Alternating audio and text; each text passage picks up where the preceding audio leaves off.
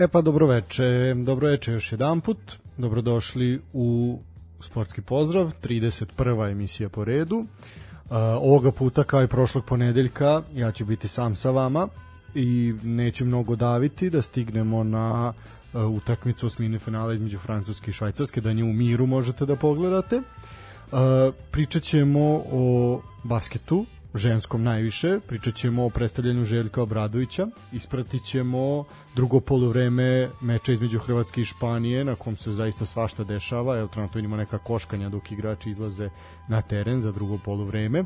Pričat ćemo naravno o pripremama za Superligašku sezonu i još nekim vestima koje su obeležili ovaj vikend, jel, dok se nismo ste odmarali od nas i dok se nismo čuli i slušali Uh, Stefan je opravdano odsutan, ovaj, još uvijek se nalazi u Budimpešti i oporavlja se od neverovatnog prolaska češke reprezentacije u četvrtfinale. Navijao je za Češku, predvideo je prolazak Češke i sad se još uvek trezni od Kozela koji je uneo u sebe prethodno, prethodni dan, tako da ćemo njega najvjerojatnije imati spremnog u petak. Što se tiče Svetozara, Svetozar tamo negde krvavo zarađuje svoj, svoj ovaj radnički dinar i hleb, ovaj nadamo se da će i njega, da ćemo i njega imati zajedno tu u petak. Uh, ajmo, ajmo redom, opet kažem, opet sam tu, osuđeni ste na mene samog a idemo redom. E, što se tiče onoga što se upravo u ovim momentima dešava, počelo je drugo poluvreme osmine finala između utakmice između Hrvatske i Španije. 1-1 je na poluvremenu. E, Hrvati su poveli čudnim autogolom s neki 40 metara, golman jednostavno nije primirio loptu koju mu je vratio njegov štoper i lopta je završila, završila u mreži. Nakon jedan zaista bizaran, bizaran autogol. E, Španija je bila mnogo bolja, Hrvatska se prvih 25 minuta nije videla, jako su dominirali, imali su zaista uh, 11 udaraca, od toga 4 u okvir gola i jednostavno morali su morali su dati gol. Mislim da je ovaj rezultat 1-1 zaista čak i onako odličan za za Hrvatsku. U 38 minutu posle nekog karambola koji se desio i odbijanja od prvo odbrana Livakovića, pa je neko, neko blokirao udarac od štopera, pa se tu četiri puta odbila lopta. Uh, Sarabija je postigao pogodak u 38 minutu za 1-1, a evo sada je i prva izmena izvršena, ušao je Kramarić umesto Brune Petkovića. Svi, se, svi su se pitali ko će zameniti zameniti virusom zaraženog Perišića, e, to je bio Rebić na svojoj prirodnoj poziciji, pa su Hrvati izašli u sledećem sastavu, Livaković na golu, Juranović na beku, Vida i Ćaleta Car štoper i Gvardiol na drugom beku, Brozović kao neko će najviše trčati u sredini terena, Modrić i Kovačić nešto ispred njega, a po krilima Vlašić, i Rebić u sredini bio Petković, a sada sada umesto njega će tu biti Kramarić, najvjerojatnije će se pa, Kramarić povući na stranu, Rebić će vjerojatno ući u sredinu, dosta su oni tu, dosta su oni tu rotirali. Uh, što se tiče Španije, Simon je na golu, kažem krivac za krivac za primljeni pogodak, zaista zaista neverovatna neverovatna greška i siguran sam da će na A4 formatu papira morati da objasni šta je hteo i u šta je gledao. Na bekovima su Gaja i Aspilikveta, Garcia i Laport su štoperi, Koke, Busquets, Pedri koji je uputio tu nesrećnu loptu ka Simonu su u veznom redu, dok su Frantos Morata i Sarabija u napadu. 48 minut je na toj utakmici, a mi ćemo to svakako svakako pratiti uživo. Igra se u Kopenhagenu, Parken stadionu, a Čakir je glavni sudija iz Turske. No, ajmo redom. Ono što je svakako budilo najveću pažnju ovih prethodnih dana i ovog vikenda su utakmice ženske košarkaške reprezentacije na evropskom prvenstvu. Uh, otišle su tiho, kako to obično kod nas i bude, a vratile su se vratile su se sa zlatom. Tačnije nisu još uvek se vratile, ali će uskoro uskoro se vratiti i sleteti na aerodrom Nikola Tesla. Uh, Marina Maljković, drugo svoje evropsko zlato. Zaista svaka čast za, za ovog fantastičnog i van serijskog stručnjaka. Uh, devojkama je to mnogo, mnogo značilo. Zna se da u ženskoj košarci nema baš puno novaca, ali zaista su odigrale srcem iz ljubavi i to se to se i videlo i zato su bile nagrađene. Taj polufinalni meč je onako možda i srećno završen u našu korist ali zato finale protiv apsolutnih favorita kao što su bila Francuska. Zaista zaista može se reći i lagano lagano odrađeno. Pritom ste imali tri meča u nekoliko dana gde su svi bili na nož. Ovaj je zaista zaista bio onako lagano lagano odrađen. Uh, ono što treba napomenuti svakako je da je Srbija na putu do zlata pobedila tri najveća favorita za to isti za isti trofej. Uh, apsolutno, apsolutno, znači ne može niko ništa da ospori, devojke su zaista uložili mnogo rada i truda i vremena i to se zaista zaista isplatilo. Ja bih se vratio ovaj na 17. jun i konferenciju za novinare posle tesne pobede nad Italijom na startu grupne faze gde je ovaj selektorka Maljković rekla da bez ustručavanja jasno poručila čime i zašto je nezadovoljna u igri i svoje ekipe i na kraju je svog izlaganja poručila verujte do kraja ovaj priča protiv Italije se ponavlja, pa nek ta poruka ostane do kraja do poslednje utakmice na evropskom prvenstvu. I Marina kao da je znala, a Marina zna, Marina je fantastičan stručnjak i to se pokazuje kontinuiranim radom koji koji ona ima i uspehom koje je nizala i u Partizanu i bila ovaj pomoćnik i Dudivkoviću i tako dalje i tako dalje. I siguran sam da Marina može bez problema da vodi vodi ovaj čak i muški košarkaški klub i da tu ne bi bilo zaista nikakvih problema što ja bih svakako i voleo, voleo da vidim kako bi, kako bi to izgledalo. Verovalo se u Marinu Maljković, zaista nikada, nikada vera u nju nije ni prestala. Dva evropska zlata, jedna bronza i olimpijska bronza iz Rija ovaj, sa prošle olimpijade. Zaista, zaista ovaj, ne da nije malo, nego je fantastično za jednu malu državu koja mi realno jesmo i državu koja se pre 10 godina nije ni kvalifikovala za evropsko prvenstvo. U ostalom, Srbija je tih godina nije igrala na dva uzastopna svetska prvenstva, mi smo igrali 2006. i 2010. A u Letoni 2009. smo zauzeli poslednje, poslednje mesto od čak poraz ovaj 49-71, pa zatim samo 37 ubačenih poena protiv Rusije, znači zaista su to bili onako teški, teški ovaj teški momenti, a ako se povuče paralela sa vremenom stare, stare Jugoslavije, što mi to volimo da radimo, rezultati koje Srbija kao samostalna država beleži, beleži pod komandom selektorke Maljković su i tekako uporedivi i može se, iako nije ista država i nisti broj stanovnika, ali period najboljih rezultata jugoslovenske reprezentacije od kraja 70-ih doneo je tri osvojena srebra, 78. 87. i 91. i jednu bronzu 80. na evropskim takmičenjima, srebro na svetskom prvenstvu 90. te bronzu na olimpijskim igrama u Moskvi 80. i srebro u Seulu 88. Uh, poslednji značajni uspeh bio je 91. godine u Tel Avivu i do nekog sledećeg, eto prošlo je 20, 22 22 godine uh, ženska reprezentativna košarka bila je zaista marginalizovana sada je ona ušla u prvi plan ali to će naravno nažalost i naravno trajati kratko vreme možda sad i ako bude nekog uspeha na olimpijadi što se mi svakako nadamo i priželjkujemo ali će ona opet do nekog narednog prvenstva zaista pa, pasti u neki opet zapećak i opet ćemo se setiti ih kad bude RT se setio da ih prenosi. Uh, što se tiče što se tiče ovaj ekipe uh, to je ekipa koja je ovaj i dve godine ovaj pre dve godine znači učestvovala to su ovaj Sonja Petrović, bila je Sonja Petrović, sad danas je Sonja Vasić, zatim Jelena Milovanović, danas je Jelena Brooks, Tamara Radočaj, e sad nema, ove, tu je bila Jana Dabović i Dana Butulija, Saša Čađo, tam,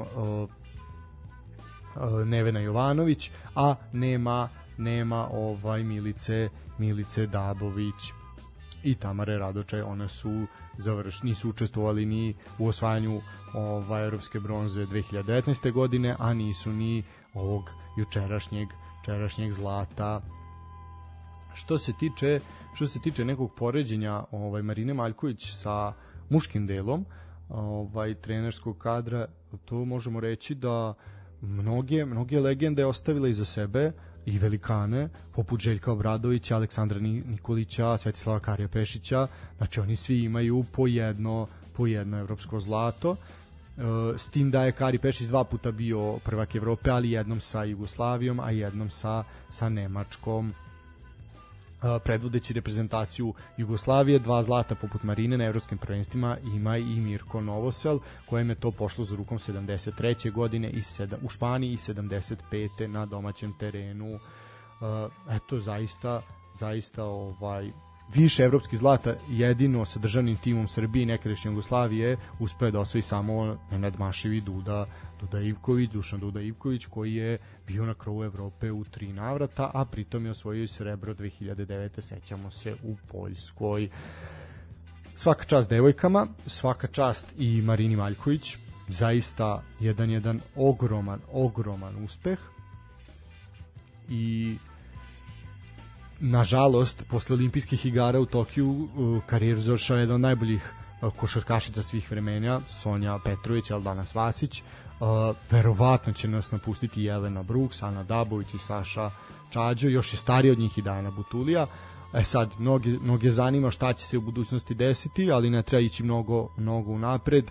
Devojke prvo treba zasluženo da proslave ovo osvojeno zlato, treba i da zasluženi odmor da odu i onda pripreme za Tokio, za olimpijske igre, a onda dalje ćemo videti šta i kako i šta će se dalje dešavati. Mi im želimo zaista zaista svu svu sreću. Uh, idemo na kratak kratak odmor pa ćemo pričati i o drugoj košarkaškoj vesti koja je uzdrmala danas region pa i Evropu celu. Uživajte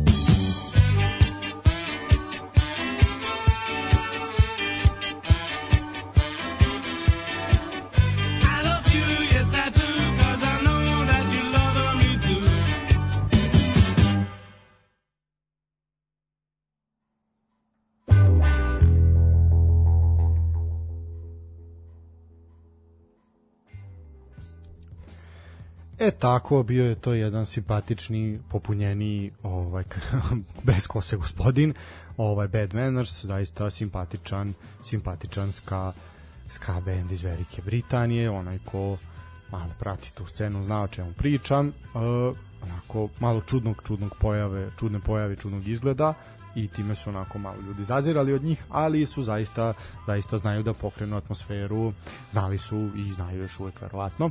E sad, što se tiče uh, utakmice u Kopenhagenu, dok smo mi uživali uz ove ska note, Uh, Španija je povela sa 2-1 ono što je bilo neminovno, rekao sam zaista Hrvatska ne može da se poveže i onako jedna slika, slika, i prilika jednog cele loše, loše igre na ovom turniru uh, može se reći da je greška ovaj put bila od Guardiola centaršut sa leve strane i Cezara Spilikveta je posle 27 utakmica u dresu reprezentacije konačno postigao pogodak.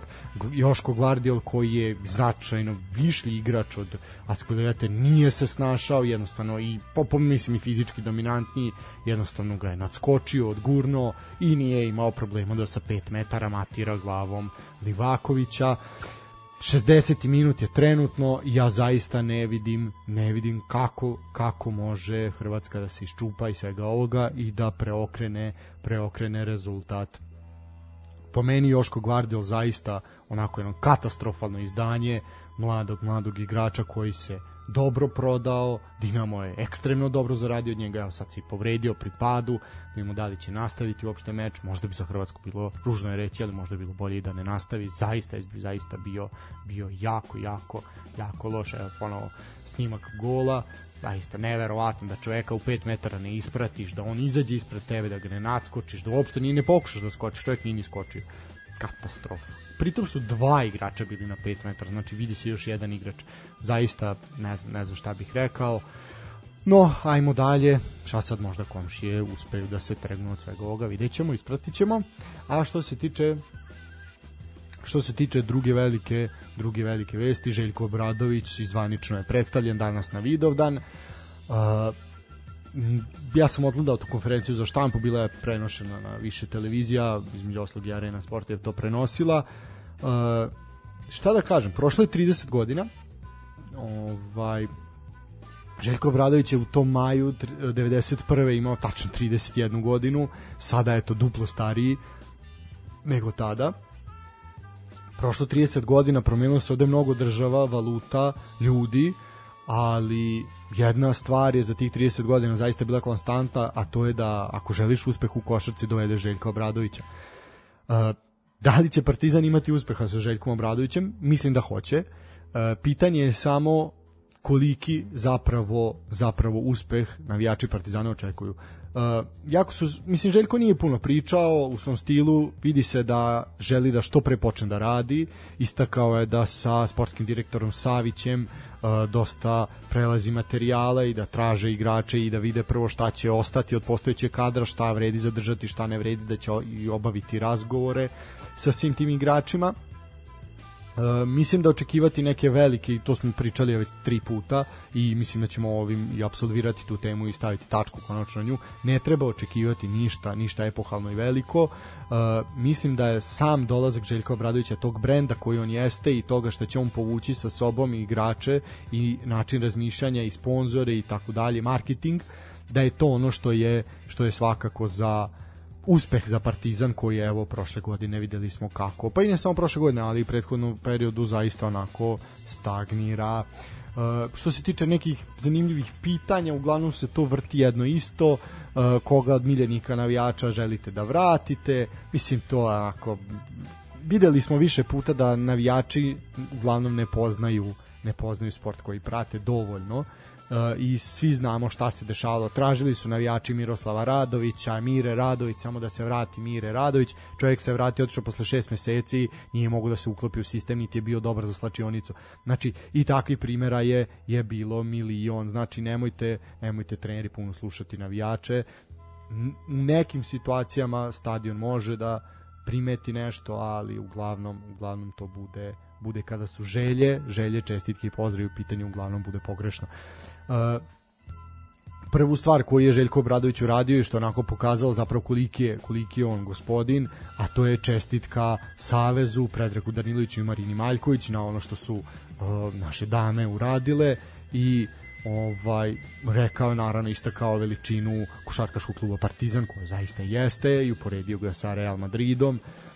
Partizan svakako nema toliko evropskih trofeja ali po broju igrača koji izbacuju svoje škole i stručnjaka koji su tu radili imena koja su odatle izašla zaista zaista je redak redak klub na u Evropi pa i u svetu. Uh, Bradović je rekao se nije prvo pro, dugo premišljao da se da je jasno bilo čime stigla ponuda da će to i razgovor kad je počeo da je on mislim srce ga je vuklo što je sasvim i, i jasno otkrili su i da će praviti tim bez Jarama za Jaramas želi da igra Euroligu i jasno je da neće neće ostati ove sezone u Partizanu što je poprilična šteta za klub e sad što se tiče uh, Evrolige, to pitanje je naravno postavljeno. Željko Bradić je rekao da bi voleo da, s obzirom da će Evroliga menjati sistem takmičenja, da možda više klubova sa ovog podnevlja budu učesnici. on njemu je jasno šta se od njega očekuje. Jedino što, što ga interesuje da vrati, vrati klub da igra Evroligu, ali ne na godinu dana, već da Partizan bude sastavni deo Evrolige, jer to Partizan i zaslužuje. E sad, jasno mu je da mnogi smatraju da je potez rizičan, ali on tako ne misli i njemu je ogromna želja da radi sa igračima, pauzirao je, to znamo, godinu dana ga nije bilo nigde i želi da napravi konkurentan, konkurentan tim.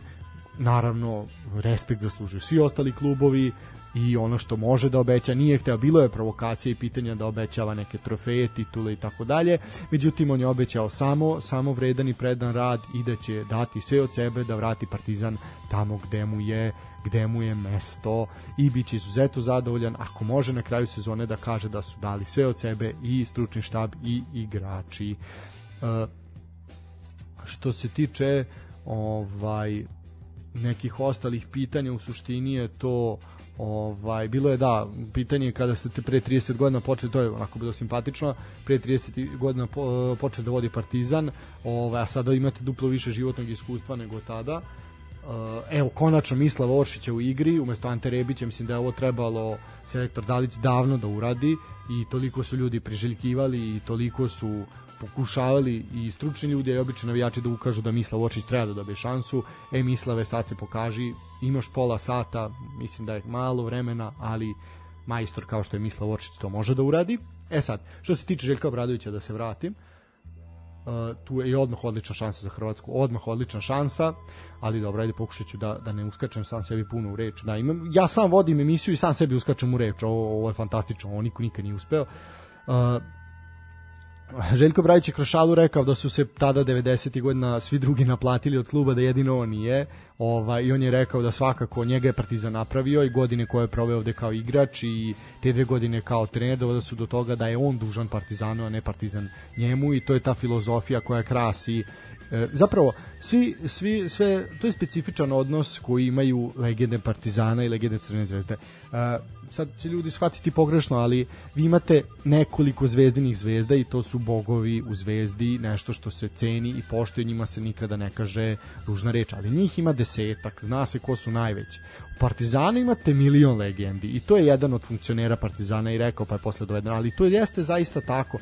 I mnoge te legende po znacima navoda smatraju da im je Partizan dužan nešto, pa čak i oni koji nisu se ostvarili kao igrači misle da im je Partizan dužan nešto, pa se tu vraćaju hiljadu puta, imaju, daju sebi za pravo da pokazuju svašta publici i tako dalje i tako dalje. E, oni pravi koji imaju ovakav stav, znači svi smo mi vojnici Partizana, kao što bi rekao Vukrašović i Dule Vujošić, to je, to je zaista to. Znači mi smo došli ovde zbog tog kluba. Zaista kaže da mu je ovaj put odluka bila neuporediva lakša, tada je sećamo se on bio još uvek aktivan igrač, uh, Kićanović ga je bukvalno skinuo sa aviona za evropsko prvenstvo u Rimu, uh, jednostavno zahvalio se Dudivkoviću na pozivu, stisnuo mu ruku na aerodromu, ovaj je rekao ti nisi normalan, šta hoćeš da uradiš, ali sad je ovaj put ta odluka bila neuporedivo lakša, motivisanje, može sve, uvek je hteo još više i to znamo, uvek je gledao da prevaziđe sebe, svakako je dobro što sa Zoranom Savićem se jako dugo poznaje, što su igrali zajedno i zaista to tu može ima ima ta dobra ta dobra ovaj konekcija. E, Što se tiče postavljeno pitanje da li postoji prečica za dolazak Partizana u Euroligu, ono što je mislim diplomatski odgovor da u ovom trenutku se zna da može se osvoji ABA liga ili igra finale Evrokupa, sve ostalo su zaista samo priče i neka govorkanja. E sad, opet se tu znači pomenuo da i jedni i drugi zaslužuju da budu stalni članovi Evrolige i ono po meni što je svakako svakako odmah je počelo to peckanje i ono što svakako nervira i ono pitanje da li se Obradović plaši medijskog rata sa predsjednikom Crvene zvezde Nebojšom Čovićem uh, gospodin Obradović je rekao nešto fantastično i zamolio je i navijače da se drže isto tako. On je rekao, moja ekipa i ja nećemo nikoga provocirati, ni protivničke igrače, ni navijače, ni trenere. Davaćemo primer svima, na tome ću insistirati. Pozvaću sigurno dobrog prijatelja Dejana Radonjića da se ispričamo. Znamo da je uh, Željko Bradović bio na čelu mnogih trenerskih organizacija, da je i sada isto tako, da je to nekog direktor nekog skupa trenera Evrolige, sada ne grešim tačno kako se to naziva. Uh, i sa Čovićem je u veoma korektnim odnosima i volio bih da se tako nastavi. Ja lično bih voleo da se to tako nastavi, da prekine Nebojša Čović da gostuje po jutarnjim programima na Pinku i ostalim ružičastim televizijama tabloidnog tipa i da proziva proziva ljude iz suprotnog tabora, znači ajde pustite politiku, daj da igramo, da loptu ubacujemo kroz obruč, to je poenta prekinite da zakuvavate, a isto tako ću pročitati poruku navijačima Partizana, e, na, na radite ono što najbolje radite, podržavajte igrači, budite odani u teškim momentima, znajte da je ovo dug put i strašno bi voleo da u našoj dvorani pokažemo primer e, da, e, da se ne čuje ni jedna ružna reč na račun drugih klubova i ljudi i da cela Evropa priča navijačima Partizana kako oni to zaslužuju. I on kaže insistiraću insistiraću na tome u suštini rečeno je da će se obaviti razgovor sa svim igračima i da će se onda videti ko gde želi, zašto ne želi da bude deo Partizana u narednoj sezoni. Toliko o tome i ovim završamo isto temu Željka Obradovića. Nadamo se, pratit ćemo svakako šta se dešava i vidjet ćemo koliko će on zapravo moći nešto da uradi. A mi idemo kratku pauzu pa prelazimo na travnate terene. put your love in hate.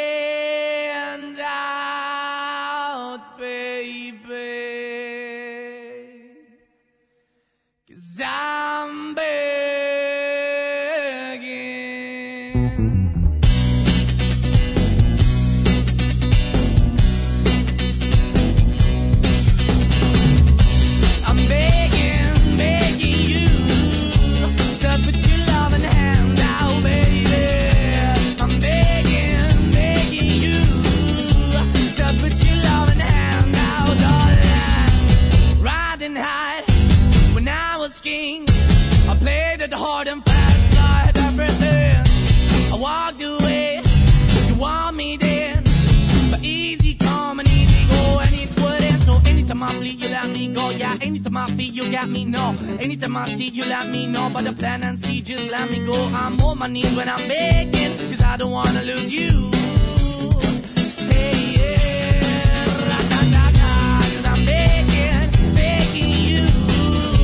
Uh, put your love in the hand now, baby. I'm begging, begging you. Put your love in the hand now, darling. I need you Try so hard to be your man, the kind of man you want in the end. Only then can I begin to live again. An empty shell I used to be, the shadow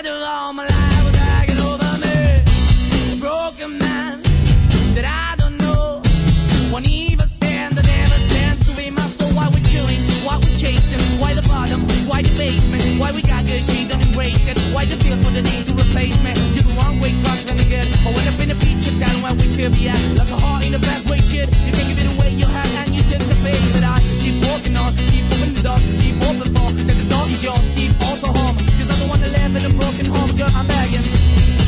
Mm, yeah, yeah, I'm begging, begging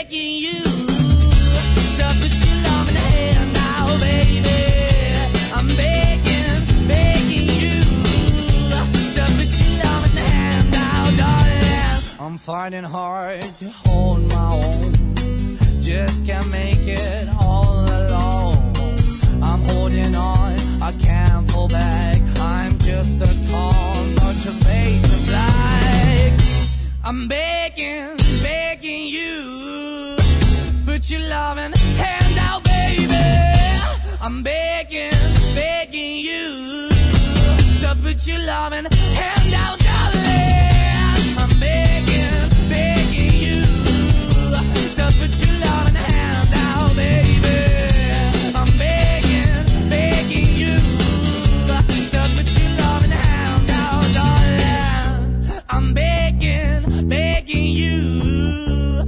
Put your loving hand out, baby.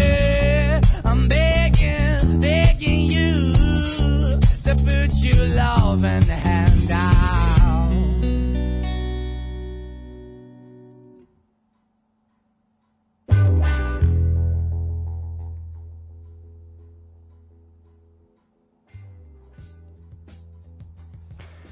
E, bili su to ovi italijani na koje se devojke ovih dana lože ili one koji je sramota da to priznaju, pa zapravo ne na sve na tog jednog jelna pevača, ovaj, i one koje je sramota pa kažu ne mi ih slušamo samo zato što ona njihova muzika im se sviđa ne zato što se ložimo na njega. Ali dobro ne veze nije sramota priznati ukusi su čudni nekome je Zorana Pavić dobra neko se loži na Sanju Vučić Svetozare i tako dobro misli sve to ukusima ne treba ne treba zaista raspravljati.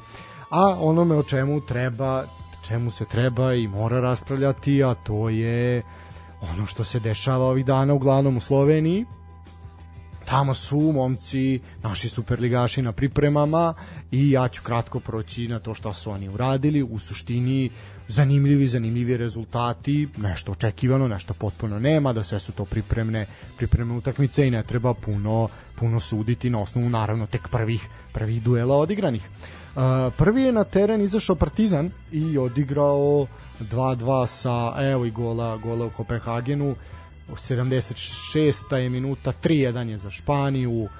Zaista, zaista sada i potop reprezentacije Hrvatske. Potpuni, Španci idu dalje u četvrt finale evo zaista, zaista sad ćemo ispratiti malo i tu situaciju da vidimo kako je, kako je tu došlo do došlo do pogodka, jedan centar šut dugo da na desnu stranu, čovjek je sam prošao, opet Joško Gvardiol, katastrofalan turnir za ovog čovjeka, neverovatno koliko se kliže, koliko ne može da drži korak.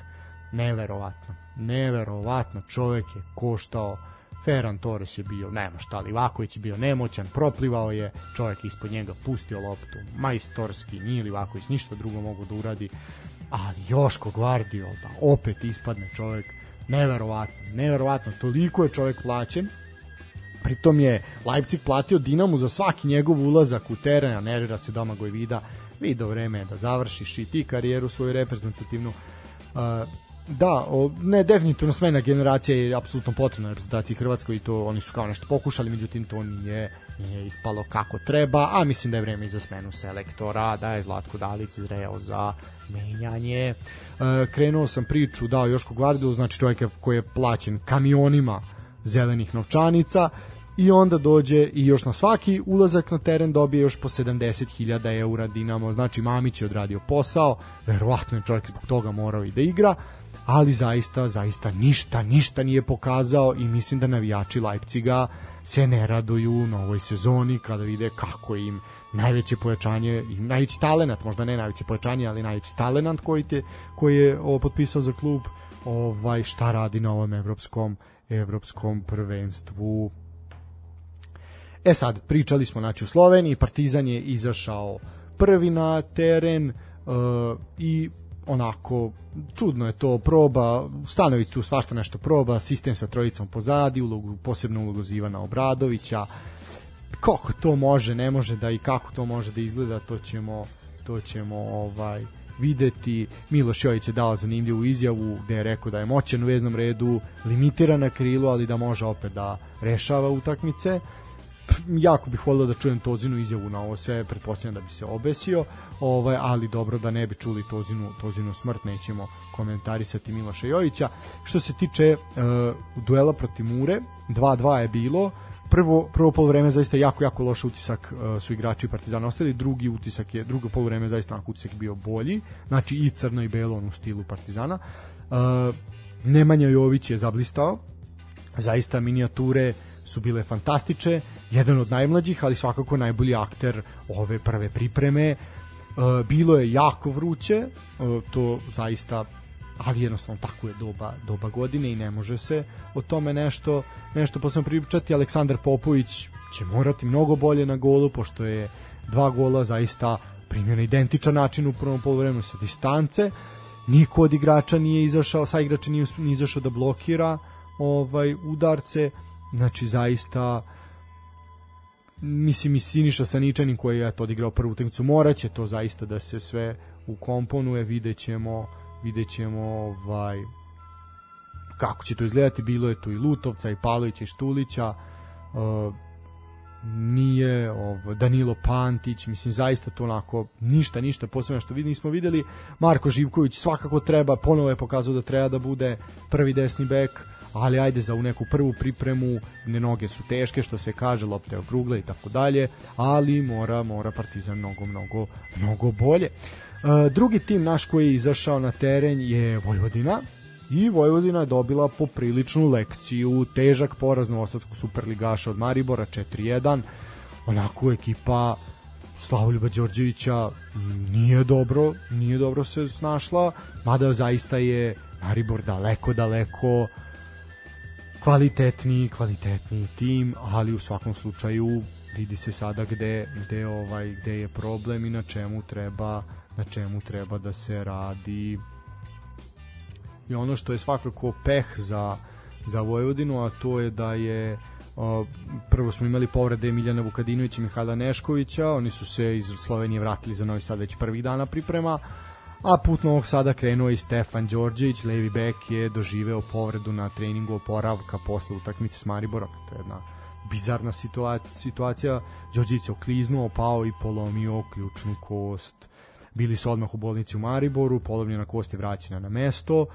Uh, povreda jeste zbrinuta i čini se da operacija neće biti neophodna, a sad pratit ćemo dalje Đorđević oporavak i oni se nadaju u klubu da će već za četiri sedmice on moći da skine fiksator i da počne sa trenzima, rekao je za dnevnik ovo izjavio čuveni doktor Borko Vukosav, specijalista sportske medicine. Uh, E sada jedini igrač koji je ostao na osađanima na levom beku je mladi Mladen Devetak, tako da zaista onako pehovi se nižu za Vojvodinu. Što se tiče ostalih klubova, ajde kratko ćemo. Uh, Proletar je pobedio Zoru iz Luganska, zaista fantastičan rezultat sa 2-1. Uh, Andrija Kaluđerović Novajlija u redima proletera, svakako veteran superligaških terena, počeo je da treše, trese mreže u proleteru i to ono što nas raduje za svakako nastavak uh, sezone i te ovaj bitke koje on vodi za titulu najboljeg strelca u istoriji Superlige. Zoran Danovski je postigao drugi pogodak. TSC je igrao protiv Tabora i Sežane i bio bolji sa 2-0, zaista eto to pogotkom Đure Zeca i Mihajla Banjca, dvojac koji je vodio TSC gotovo cele sezone. Novi Pazar nije uspeo da slavi, oni su na Zlatibor odigrali 2-2 sa albanskom Vlaznijom, što i to nije tako loše. Pogocima Bojana Balaža i Bacanovića u 27. i 31. minutu zaista raduje i da naši superligaši ulaze, ulaze polako u formu i očekujemo očekujemo da to bude onako kako treba, da imamo onako spremne, spremne i ove što čekaju evropski izazovi, a i ove što se odmah će se boriti, boriti za opstanak. E sad, što se tiče transfera, Ricardo je potpisao, od utorka će se pridružiti ekipi u Sloveniji, uh, Vladimir Stojković je blizu odlaska u Saudijsku Arabiju, čeka se, čeka se tu epilog toga svega, videćemo šta će se tu desiti. Pozivi Vuka Rašovića su izgleda i naravno ponuda koju imaju arapski klubovi se izgleda ne mogu odbiti, pogotovo u godinama koje ima Vladimir Stojković. Ono što je još zanimljivo za ove pripreme, a to je da se na inicijativu trenera uh, koristi dron, znači dronovi se, dronovima se snimaju ovaj, sećamo se da je dron ušao na život na toj kvalifik kvalifikacijnoj utakmici 2016. godine protiv Albanije na stadionu Partizana. E sada uh, su počeli, ovaj, do sada se to radilo fiksnom kamerom u širokom kadru sa najviše tačke stadiona ili sportskog centra. Su se beležili potezi futbalera, a sada će se to raditi dronom, eto zaista ovaj na jedan novi način i mislim da će biti mnogo mnogo lakše da se obrađuju podaci, podaci. Ovaj zaista će analitičarima sada biti mnogo mnogo bolje. Tako da eto dron koji svakako olakšava praćenje treninga može se podigne mislim do 500 metara a na crno, crno-beli ga koriste na koti 20, jel, da bi imali precizniji uvid u rad ekipa, da je tako zaista eto nešto, nešto lepo i zanimljivo, a evo gola u, u Kopenhagenu, evo gola u Kopenhagenu, opet ćemo se prebaciti, samo da vidimo, 3-2 je, smanjili su, da, da, smanjili su, sudija pokazuje na centar, smanjili su, smanjili su reprezentativci Hrvatske, sad ćemo to ispratiti, 85. minut je, pa ima nade još uvek, ima nade, zašto da ne, Luka Modrić je sam izašao na golmana, vrati u peterac, a tamo se, čini mi se, Budimir najbolje snašao, ne, ipak Mislo Očić, e, joj, šta kakav je karambol se bio, prvo je Budimir šutirao pa se lopta odbila od nekoga na liniji pa je Oršić onda pogodio u koleno golmana Simona, ali Simon se nalazio 2 metra u golu, ne čist, čist pogodak, lopta jeste prešla gol liniju.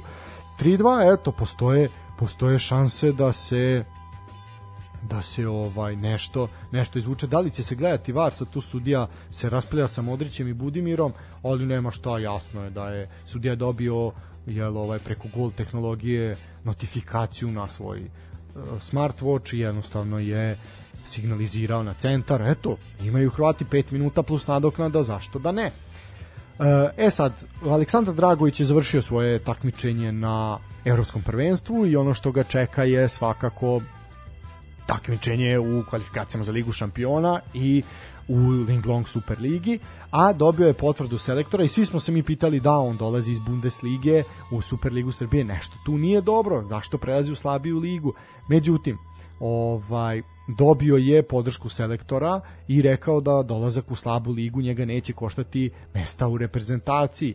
Uh, svakako Crna zvezda diže evropski rating poslednjih godina, prvenstvo u kojem igra i dalje ima loš imidž evropskim futbolskim krugovima. Nažalost, Srpska Superliga jeste jedna od slabijih takmičenja, ali ajde sad ovim novim sistemom gde smanjujemo broj klubova, trebali bi da budemo kvalitetniji neka budemo u rangu HNL-a, s tim da nam treba, zaista treba i promena sistema upravljanja klubova, ali ajde, to je sad neka priča za neke šire, šire ovaj teme. E sada, austrijski mediji zaista potenciraju tu priču kao, mislim, naši nisu, ali mi jesmo ovde. I zaista se onako još uvijek čude njegovom transferu u crvenu crvenu zvezdu, da on u punoj snazi, znači on je 30 toj godini, znači još uvek može može mnogo da mnogo da pruži ali uh, selektor Franko Foda je izjavio da je još pre prvenstvo dobio veštenje o tom transferu, igraće tamo međunarodna takmičenja, pa njegov reprezentativni status neće biti problem ako bude igrao dobro. Da, evo, potvrda je stigla od go tehnologije, da lopta je ušla metar u go, tako da 3-2 je, ima nekoliko minuta do 90. i nadoknada vremena, znači nekih desetak minuta sve zajedno, pa ajmo da vidimo, mogu li vatreni do izjednačenja. Uh, da, vratimo se. Znači njegov reprezentativni status neće biti problem ako bude igrao na zavidnom nivou, a do sada je uvek igrao dobro i bio na bio na zavidnom nivou. Što se tiče njegovog učešća ovaj sa reprezentacijom Austrije, on je debitao 2009. godine upravo u meču protiv Srbije na stadionu Crvene zvezde i od tada je nezameljiv u posljednjoj liniji reprezentacije Austrije. Sakupio 94 nastupa u dresu sa državnim grbom i trenutno se pred njega samo nalaze legende iz 93 Andreas Herzog i Toni Polster sa 103 sa 96 utakmica u reprezentaciji. Eto, znači zaista eto lepo lepo. I mislim da i ovaj transfer kao i oni transferi ovaj igrača koji su bili u punoj snazi, na primjer Zorana Tošića i tako dalje, podižu svakako rating, rating naše lige, ali ono što bi se desilo, da, šta treba da se desi, da se zapravo rating podigne, a to je da se da se smanji ono čemu toliko pričamo, da se smanji, smanji broj klubova i da i da jednostavno počnu klubovi da u, ulažu u infrastrukturu, da ulažu u trening centre, omladinske kategorije, kao što to radi TSC, na primer, i Partizan, i da, pa i Crvena zvezda, i Vojvodina, tako da, da samo tako, samo tako može nešto da se uradi, a mi idemo na kratku muzičku pauzu, pa na jednu simpatičnu, simpatičnu priču, uživajte. so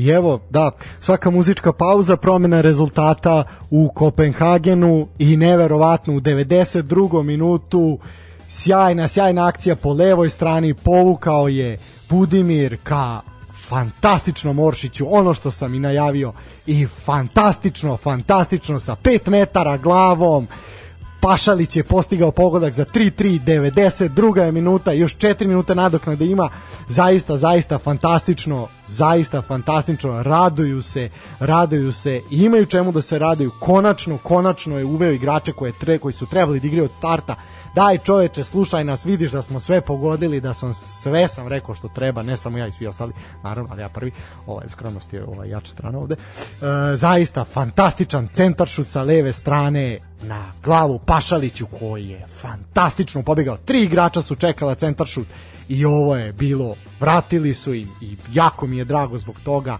Mislave Oršiću, svaka ti čast a Pašaliću odličan, odličan trzaj, trzaj glavom za 3-3. Evo ga, da li, ćemo, da li će Hrvati vratiti Špancima za onaj debakl protiv nas onu krađu, onaj preokret 2000. godine? Ja bih jako voleo i eto, pratit ćemo, pratit ćemo dalje šta se dešava u Kopenhagenu. Zaista, eto, eto iznenađenja i eto, eto uživanja. Da li ćemo imati još jedne produžetke nakon Italije i nakon Italije i Austrije E sada, idemo na jednu zanimljivu, zanimljivu priču, a ta priča dešava se u Novom Sadu i vezana je za Novosadsku lepoticu. U pitanju je stadion Karadžođe koji ovih dana proslavlja 97 godina svog postojanja. Pa ćemo malo malo pričati o ovom velelepnom zdanju koji se nalazi malo i netipično, pa može se reći u samom centru grada, pored najprometnije ovaj saobraćajnice bulevara oslobođenja. Naravno u momentu kada je on tamo građen ovaj e, to je bio kraj grada dalje, dalje su bile njive bukvalno peščano rastresito tlo ovaj tako da eto sada sada je zato tu gde jeste a kratka priča priča o njemu, znači stadion Karadžođe sagrađen je 1924. godine i od tada na njemu svoje utakmice igraju futbaleri Vojvodine, a zadnjih godina to čine i ostali novosadski klubovi, kao i drugi klubovi iz Vojvodine koji zbog određenih stvari nisu mogli da igraju svoje utakmice na, utakmice na svojim matičnim stadionima. Uh, trenutno izlaz, kapacitet stadiona je neki 14.000 mesta, pri čemu je jedna, jedna tribina natkrivena. Što se tiče priče o stadionu Karadžođe, uh, 10 godina nakon osnivanja kluba i 6 godina nakon što je završen prvi svetski rat, do tada najveći sukob u istoriji čovečanstva, ne znajući šta će im se desiti uskoro. Futbolski klub Vojvodina osetio potrebu da dobije sopstveno mesto za odigravanje utakmice i tadašnji predsednik kluba inženjer David Popović, poznati kao Daka, napravio je projekat izgradnje stadiona koji je podrazumevao slačionice i zapadnu zapadnu tribinu E sad uzimaju, uzimajući u obzir veliku finansijsku krizu u kojoj se društvo nalazi od tih godina, kao i činjenicu da je Vodina bila vrlo mlad klub u to vreme koji još nije navršio ni prvu deceniju svog postojanja, David Popović morao da smisli način kako da prikupi sredstva za izgradnju stadiona. E sad, pored toga naravno što je dao ličnu donaciju u građanskom materijalu u vrednosti od tadašnjih 24.000 dinara, predsednik Vojvodine postigao je dogovor i sa FK Juda Makabi iz Novog Sada o zajedničkom učešću u izgradnji stadiona Juda Makabi bio je a, klub jevrijske zajednice u tom vremenu u Novom Sadu. A, Vojvodina je bila klub koji je okupljao pretežno srpsku, srpsku jel, omladinu, dok je naravno Juda Makabi koji odavno više ne postoji bio najpopularniji među novosadskom jevrijskom zajednicom. E sad, svakako pomoć u izgradnji stadionu dali su i navijači i simpatizeri oba kluba, a određena sredstva prikupljena su zahvaljujući prihod, prihoda od gostovanja američkih operetskih glupa Luizijana i Plava ptica. Vojvodina i Juda Makabi dobili su dozvolu za izgradnju od gradskih vlasti da preurede stari biciklistički velodrom koji je postao još 1888. godine, pa su 7. maja 1924. godine potpisali ugovor izgradnji stadiona da bi konačno na Vidovdan 28. juna, znači na današnji dan, pre tačno rekao sam koliko godina sam, matematika je slabija strana za 97 godina, dok ja to saberem i oduzmem, išao sam medicinsku školu, nemojte zameriti, bio, bio stadion otvoren i na mestu na kom se nalazi danas ja se nadam da naprednjački banditi koji vladaju gradom neće dirati taj stadion sa tog mesta jer je njemu tu i mesto. Stadion je tada svečano, svečano otvoren i s obzirom na to da se otvaranje dogodilo na veliki srpski praznik kao što Vidovdan, jeli, da se te godine obežalo i 120 godina od prvog srpskog ustanka, odlučeno je da stadion dobije ime Karađorđe u čast sećanja na vođi prvog srpskog ustanka, događaja koji je označio početak jel, borbe za, stvar, za stvaranje moderne, slobodne srpske države. Što se tiče nekih renoviranja, prvo značajnije bilo je 31. godine, kada je zapadna tribina tada jedina nadkrivena i proširena, pa je mogla da primi oko 500 gledalaca, a ostale strane oko terena bile su bile su ograđene. E sad 41. godine, jel, dolazi, ulaze tenkovi u grad, drugi svetski rat je zahvatio Jugoslaviju, samim tim i Novi Sad, stadion je oduzet futbolskom klubu, kome je rad bio ujedno i zabranjen. Međutim, godinu dana kasnije, tokom nemačke okupacije na južnoj strani stadiona izgrađa ispostavit će se legendarna kućica, svi se sećamo nje, gde su decenijama kasnije bile smeštene slačionice i klubske prostorije koje je postala jedan od simbola stadiona Vojvodine. Po završetku drugog svetskog ratara Vojvodina je ponovo počela sa radom, ali je stadion nikada ni bio vraćen u vlasništvo odlukom nove vlasti, ime Karadžođe je ukinuto i stadion je preimenovan u gradski stadion. Vlasništvo na stadionu preuzela je država i tako je do dana danas kada je zapravo grad Novi Sad vlasnik vlasnik stadiona uh, isto takođe kao i Spens, kao i svi objekti, jednostavno zakonom je to tako uređeno. E sad naravno svi klubovi se bune zbog toga jer daju zaista velike velike novce da održavaju stadion, uglavnom su klubovi ti koji ga održavaju, a ne gradovi i to bi zato i trebalo da se promeni. Što se tiče što se tiče primjena primjena zimu 67. godine, Vojvodina kao aktuelni šampion Jugoslavije učestvovala u kupu evropskih šampiona i nakon što je u Madridu majstorici osmine finala eliminisala veliki Atletico, Njen najbolji strelac Silvestre Stakač prešao u redove francuskog Rena, od novaca koji je dobio tog transfera Vojvodina zaradila, izgradila je dva reflektora na stadionu i prvi put su zasijali 1. marta 67. godine na četvrtfinalu meča, uh, meča Kupa šampiona između Vojvodine i Celtika. Svi znamo onu čuvenu sliku kad su navijači se popeli na reflektore kako bi prav, prav, prav, oh, pardon, pratili ovaj meč crveno-beli iz Novog Sada tada su slavili rezultatom 1-0 a reflektori su tada simbolično nazvani takačeve oči, jel? Ovaj, tada je zabeležena najveća poseta u istoriji Karadžića, tada je bilo prisutno čak 35.000 ljudi. Najveća tragedija na Karadžiću na sreću bez ljudskih žrtava dogodila se 16. februara 79. godine. Novi Sad je zahvatilo tada jedno od većih nevremena u 20. veku i od ciline vetra koja je u pojedinim trenucima dosezala i do 170 km na čas. Srušen je krov na zapadnoj tribini pa je morao da iznova bude podignut. Tokom godina stadion često su rađene sitne rekonstrukcije i renoviranja kapacitet stadiona je smanjen 2004. godine, pošto iznad terena postavljena nova tartan atletska staza, a tada su uključeni, uklonjeni reflektori pod obzloženjem da će uskoro biti postavljeni novi. E sad, nakon dugogodišnjih zahteva navijača i inicijativu tadašnjeg prve kluba, gradske vlasti su ovaj tek e, 2. aprila 2007. godine vratili originalno ime stadiona Karadžorđe, znači nije više gradski, nego je sada Karadžorđe, iste godine renovirana je svečana loža dekorire, dekorisani eksterijer zapadne tribine, dok su na severnoj tribini postavljene stolice da bi 2009. godine za potrebno je e, juniorsko evropsko prvenstvo atletici bila renovirana i jugoistočna tribina. Tada je postavljen i modern semafor u boji veličine 41 kvadratnog metra koji je koštao 41 milion dinara i to je Karadžić postao tada prvi stadion u Srbiji koji se mogao pohvaliti jednim kolor semaforom. U tom momentu Crvena zvezda i Partizan su imali još uvek stare lampaše. E, posle 7 godina čekanja, u leto 2011. godine, Karadžić je ponovo dobio osvetljenje, postavljena su četiri zaista moderna uh, Philipsova reflektora, jačine negde oko 1700 luksa, što je zaista, zaista fantastično. I poslednja značajna rekonstrukcija, dogodila se 2013. godine kada je srušena čuvena kuća koja je razvajala južnu tribinu. Ta tribina je potpuno renovirana, a ispod nje se sada nalazi kompletna infrastruktura po standardima UEFA, slačionice, sobe za doping kontrolu, presala, ambulanta za igrače, gledalce, prostorije za sastanke i kancelarijski prostor. Stadion Karadžić danas ima četiri tribine, rekao sam kapacitet je negde oko 14.458 sedećih mesta, zapad oko 4.300, istok 2.700, 3.990 jug, a pardon, sever, a jug 3480.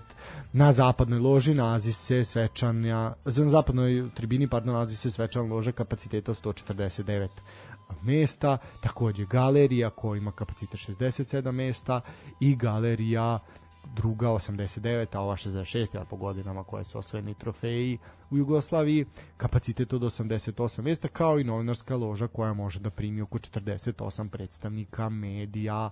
Eto, Novosadskoj lepotici želimo srećan rođendan, uz želju da ga, kao što sam rekao, naprednjačka vlast koja ruši sve pred sobom ne dira sa tog mesta, i kao što ne treba ni Spence da diraju da ruše nego da ga srede, tako isto uložite i u Karadžorđe, sredite ga, vreme za novu rekonstrukciju i ostavite ga tu na mestu. Novi Sad je specifičan upravo po tome što se stadion nalazi tu gde se nalazi.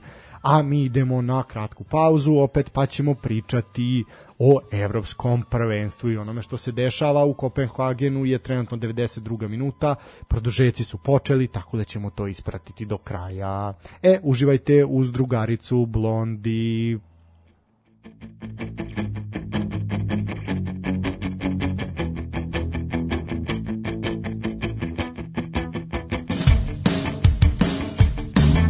She moves like she don't care. Smooth as silk, 風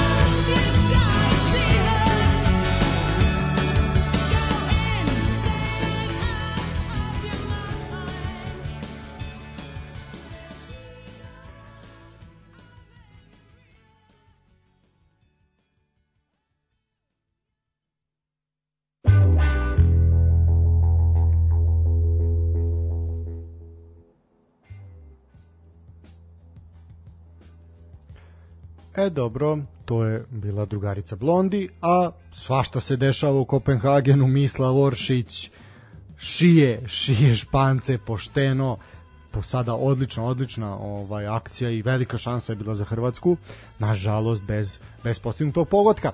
A mi ćemo sada, 97 minuti u toku, evo, ponovo se probija po toj stranima, ne mogu oni završiti, brzi voz Oršić, brzi voz, ne mogu ga tako lako zaustaviti. E sada, ajmo dalje na priču ono što se dešavalo prethodnih dana, tačnije od momenta kad smo mi završili, a to je ono što smo posljednje prokomentarisali je taj kraj grupne faze. Imali smo utakmice osmine finala između Velsa i Danske, to je bila prva utakmica, koja se završila ubedljivom pobedom Danske koju niko zaista nije očekivao.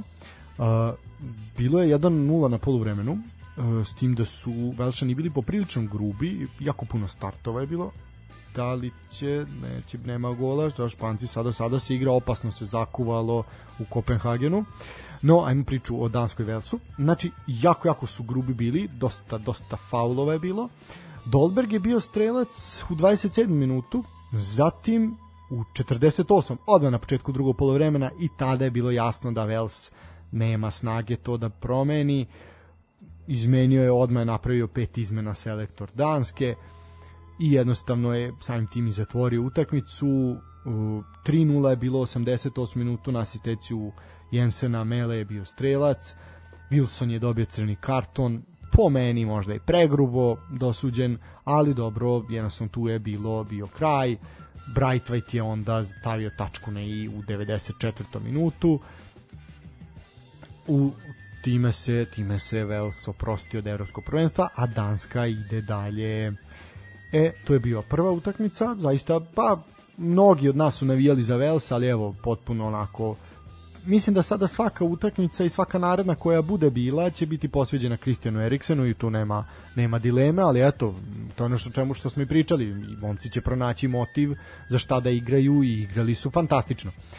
E, naredna utakmica, utakmica koja je bila poprilično čudna u prvih 90 minuta gde su bio je poništen gol, ajde idemo redom zapravo. U prvo polovreme je bilo onako dosta dosta slabo. Uh, što se tiče Austrije, Austrija zaista ništa nije pokazala i videlo se da je problem kada Alaba igra na štoperu, da je trebao da igra u veznom redu, a Italijani su imali 12 udaraca, od toga samo dva okvir gola, što je zaista, zaista čudno.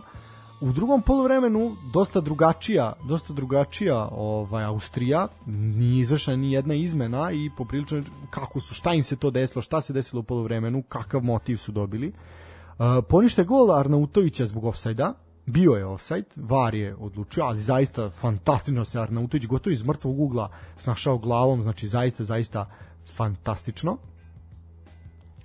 E, onda su izvršene, izvršene izmene, četiri izmene u Italiji, Pesina, Locatelli, Belotti i Chiesa su ušli, e, da bi da bi ovaj upravo isti igrač ovaj postigao pogodak u 95. minutu na kojem fantastično se snašao moment magije ovaj i 1:0 za Italiju tada je bilo jasno da da je Austriji Austrija odzvonilo Austrija je bila zaista mnogo bolja u drugom poluvremenu a u produžecima je evo gola evo gola u Kopenhagenu da vidimo sačekat ćemo još malo. U 105. minutu Pesina je bio strelac za 2-0, Čerbi je bio asistent, a Saša Kaleđić je smanjio da, uf, uf, uf, uf, kakva greška odbrane kakva greška odbrane 4-3 je Alvaro Morata je strelac u 100. minutu igre u produžecima 4-3 je za Španiju Da, da, da, da, Španci ponovo. Ono što se desilo reprezentaciji Jugoslavije 2000, teo izgleda se ponavlja i Hrvatima. No, ajde o tom potom, vidjet ćemo, sačekat ćemo. Morata je strelac, lepo je primio loptu, plasirao je, mislim, nema, nema, zaista, zaista priče. Sa desnog boka je na, išao centar šut, pa da, nije, nije skočio, nije dobro markirao, nije dobro markirao, ne znam ko je tamo bio, sad ćemo videti ali zaista aj bio nije on mogao tu ništa uradi jednostavno Morata je ostao sam nije on tu ni video. Da da je Brekalo Brekalo je ostavio sam. Josip Brekalo je jedan od nižih igrača na terenu a i nije nije mogao ni glavom da je zahvati a nije mogao nije ni video zapravo Moratu da stane onda bliže njemu. Jednostavno nema šta, čovek je primio i onako puno loptu, punom, punim delom stopala raspalio tu loptu i 4-3 je za 4-3 je za Španiju. Ništa, pratit ćemo 100 minuti, no još tu da se igra. Uh, da, priča o Austriji. Saša Kaleđić je smanjio na 2-1, onako lep, lep pogodak, tako da, eto, Italija je prošla dalje nakon produžetka sa 2-1. Naredni meč, to je bilo to što se tiče 26. 27. se odigrana dva meča. Uh, Holandija je igrala protiv Češke. Uh, I zaista jedna jako, jako čudna, čudna Holandija, nešto što nismo očekivali da vidimo, gde u prvom poluvremenu nisu uputili ni udarac okvir gola, dok je Češka imala jedan udarac okvir gola.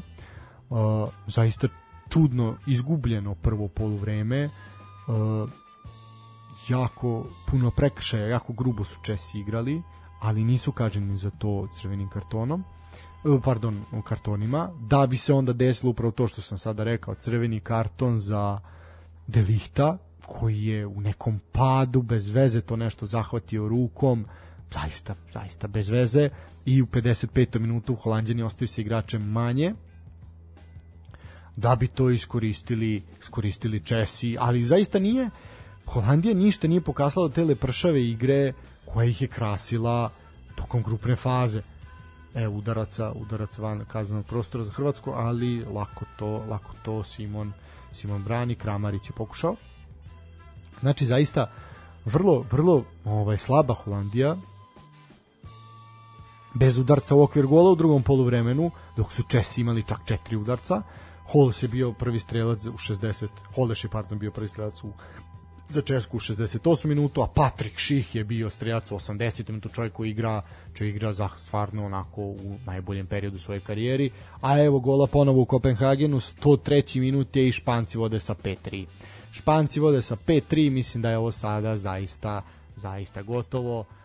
Nema šta, na iskustvo su i dobili i zaista kasno, kasno su se Hrvati probudili. Ispratit ćemo, ispratit ćemo naravno i ovaj pogodak zaista, zaista, da opet je krenulo sa tog desnog boka, dupli pas, fantastično su prošli i opet centar a u, koliko su kasnili vida, koliko je ka, koliko su kasnili vida i brekalo, znači čovek je bio metrima ispred njih i opet brekalo nije stigao da zatvori. Ne, ne, jako, jako, dve velike greške, dve velike greške koje su zaista koštale koštale Hrvatsku plasmana u četvrt finale. Mislim da je sada sada ovo izvanično zvanično gotovo. Da, rekao sam Patrik Ših je postigao za 2:0 i to je zaista zaista onako bilo bilo bilo iznenađenje.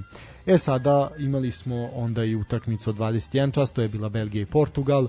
Portugal ide kući, aktuelni šampion Evrope, sada je samo to na papiru, neće imati šansu da odbrani odbrani tron jer jednostavno Torsten Azar je bio strelac fantastičnog pogotka u 42. minutu pokušavali su Belgijanci, ali je Thibaut Courtois bio za, pardon, Portugalci da, bil, tu Thibaut Courtois je čuvao Belgijance, zaista fantastično je branio, onako kako se od njega i očekuje i onda su bacili sve karte u napad Portugalci, a sa druge strane su Belgijanci dali sve na odbranu, izveli obu, obojicu braće, braće Azar i ušao je Dendonker i Karasko, branili su se, branili, branili i u Sevilji uspeli da se odbrane, Belgija je otišla dalje, pobedom je 1-0. Ovde je trenutno 106. minut i tu se sada sada će biti i mala pauza jel, za početak drugog produžetka. Večera se igra još Francuska i Švajcarska, tu je definitivno su Francuzi veliki, veliki favoriti. A ono što nas čeka sutra sutra je osmina finala poslednja, poslednji parovi gde se sastoji Engleska i Nemačka, to je jedan zaista veliki, veliki, evo još jedna velika šansa za Španiju, znači strašno, strašno, raspala se Hrvatska potpuno.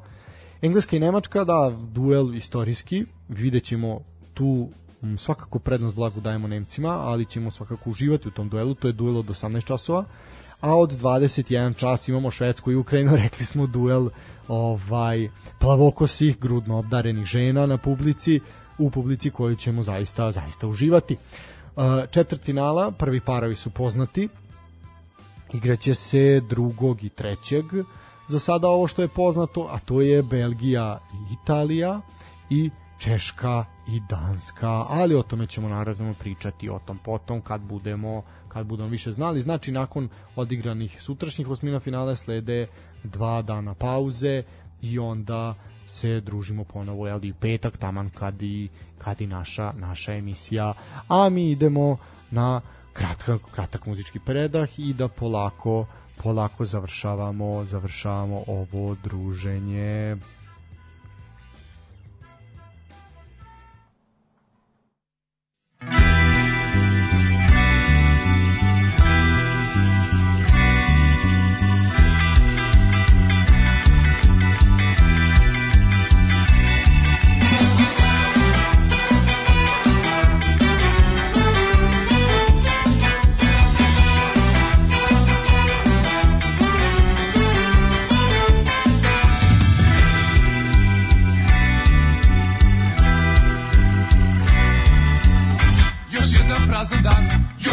prazan ja Godine prolaze, ništa se ne menja.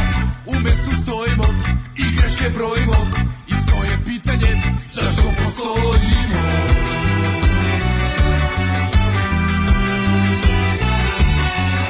A nekad bilo je sasvim drugačije. Pesme su pisane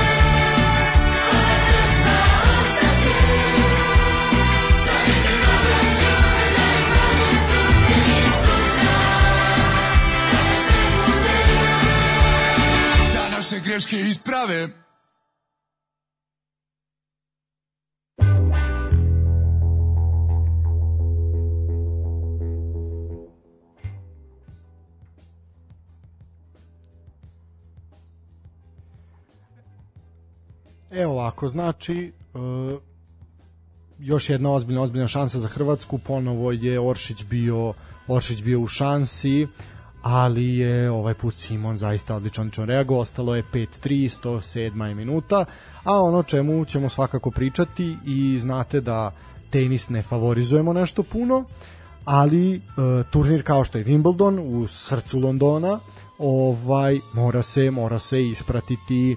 Danas je počeo Wimbledon prvi dan, a danas su e, pored Novaka Đokovića izašli i Filip Krajinović i Nina Stojanović, znači i uh, Kecmanović, Laslo Đere i Lajović. Uh, Đoković je pobedio, to je ono što znam što se desilo ovaj do početka do početka snimanja ove ove emisije, a šta su uradili naši svakako ćemo ispratiti ispratiti nešto nešto kasnije. Imamo i prvo prvo veliko iznenađenje, a to je da je da, evo Kecmanović je prošao dalje, znači i to je i to je lepa lepa vest za naše a uh, veliko veliko iznenađenje i prva senzacija na Wimbledonu a to je da je ispao Cicipas eto čovjek koji je namučio Đokovića u finalu Roland Garrosa je sada ispao od tenisera Francisa Tiafa koji je trenutno 59. na svetskoj rang listi i to je znači sa maksimalnih 3-0 ga je savladao 6-4, 6-4, 6-3 i zaista zaista onako sklonio ga Cicipasa iz tog dela Kostora u kojem je i svakako prvi favorit to je Đoković E sad ono što je trebalo po projekcijama je bilo da se Đokić i Cipa sastanu u polufinalu, ali od toga sada neće neće biti ništa. Tako da je to puno puno želimo, a mi ćemo svakako uz jagode, uz jagode i šlag i šampanjac ispratiti dešavanja na travnetoj podlozi ovaj u Londonu i naravno bodriti bodriti sve sve naše naše učesnike, naravno predstavnike naše naše države. Uh, dragi moji, to bi u suštini bilo to. Uh, pratit ćemo svakako Wimbledon, pratit ćemo i Evropsko prvenstvo, naravno, to je ono sad što nas čeka, čeka nas za nekih 20 dana i Superliga Srbije. A ovih dana se ovaj podsjećamo na setili smo se zapravo dve dve legende koje su nas napustile u ovom periodu. A, prvo je svakako veliki, veliki Ilija Petković, koji ovaj, na današnji dan prošle godine napustio, nažalost, ovaj svet i ona fotografija čuvena gde on sedi na vrhu tribina omladinskog stadiona gde pored onih polomljenih polomljenih stolica i verno i sa ljubavlju je gledao svoj, svoj OFK Beograd i te neke nove generacije, neke nove ljude što kaže ova pesma i disao je za svoj OFK Beograd i zaista je to neopisiva bila bila ta ljubav, patio je kao što je pate plavo-beli i verovatno ga je i to dotuklo i jednostavno srce ovog ponosnog krajišnika nije nije izdržalo. Suvišno je govoriti da li je zaslužio da mu se klub i grad Beograd odluže na, oduže na adekvatan način. E, ja iskreno sam skeptik i mislim da će nažalost biti zaboravljen kao što jeste, je samo pojedini su ga se setili, a evo i mi među njima i poslednji selektor poslednje zajedničke države i velika legenda jugoslovenskog futbala, velika legenda Ofka Beograda, možda i najveća, mada je to možda i nepravedno prema drugima. Eto, nažalost nije dočekao svoj Ofka Beograda, ponovo vidi u starom sjaju, a eto, možda će neki novi ljudi, neki novi ljudi podići, podići ponovo Ofka Beograd u slavu Ilije Petkovića i svih oni koji su tu koji su tu ovaj na tim terenima tim terenima gde bivstovali i provodili provodili dane. Takođe još jedna velika velika legenda našeg sporta otišla je u ovih dana a sećamo se svakako Gorana Gorana Bunjevčevića koji je eto pre tri godine napustio napustio ovaj isto nažalost ovaj na, nas ovaj koji volimo i pratimo sport ovaj fudbal pogotovo u Srbiji jedna istinska istinska ovaj legenda veliki čovjek i veliki fudbaler funkcioner i saveza i fudbalskog kluba Crvena zvezda i zaista eto i Bunjevčeviću ili Petkoviću ovaj svakako se zahvaljujemo na svemu što su uradili i eto nećemo ih nećemo ih nikad nikad zaboraviti E, zašto sam krenuo sa ovom tužnom, tužnom pričom? Krenuo sam jer danas u momentu kad sam ušao u studio, tu me je uh, zatekla vest da je jedna od najboljih srpskih atletičarki, ja bih rekao jugoslovenskih atletičarki svih vremena, nažalost e, izgubila borbu sa životom, nije se probudila iz indukovane kome. U pitanju je legendarna jugoslovenska atletičarka i naša jedina svetska rekorderka, nekada dvostruka šampionka Evrope na 800 metara, u pitanju je Vera Nikolić.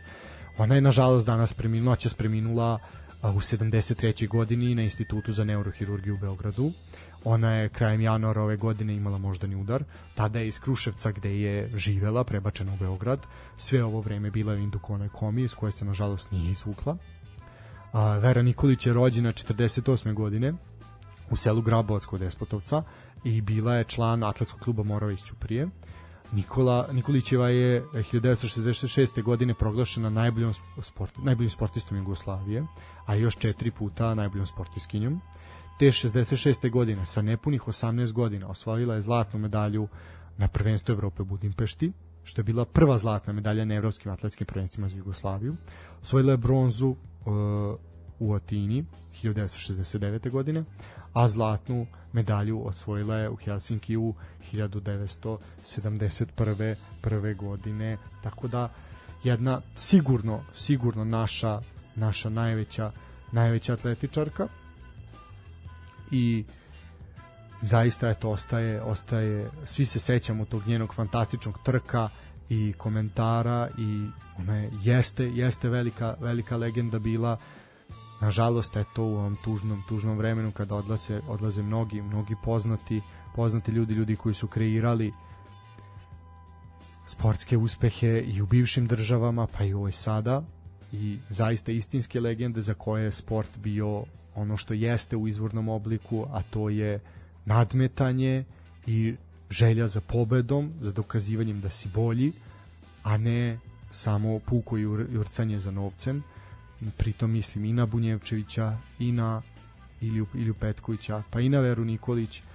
Eto, nažalost, moramo, moramo da se oprostimo od njih. Vera, hvala, hvala za sve i svakako ćete o Jugosloveniji širom, širom sveta pamtiti a nama ostaje da se pozdravimo i sa njima, a i sa vama za večeras. Uživajte u utakmica Evropskog prvenstva, uživajte u Wimbledonu, pokušajte da se rasladite, a mi ćemo se odjaviti sa jednom pesmom, prigodnom i u suštini to bi, to bi bilo to. U petak se čujemo, pratite nas preko Spotify-a, Deezera, Tunina, Soundera, svih mogućih platformi za podcaste. Možete nas podržati putem Patreona, Paypala, sada smo i na YouTube-u, biljo hvala ti za to. Pratite nas i na Facebooku, Instagramu i Twitteru. Ljudi, uživajte, nadam se da ste uživali sa mnom, da nije bilo naporno i da se moglo slušati.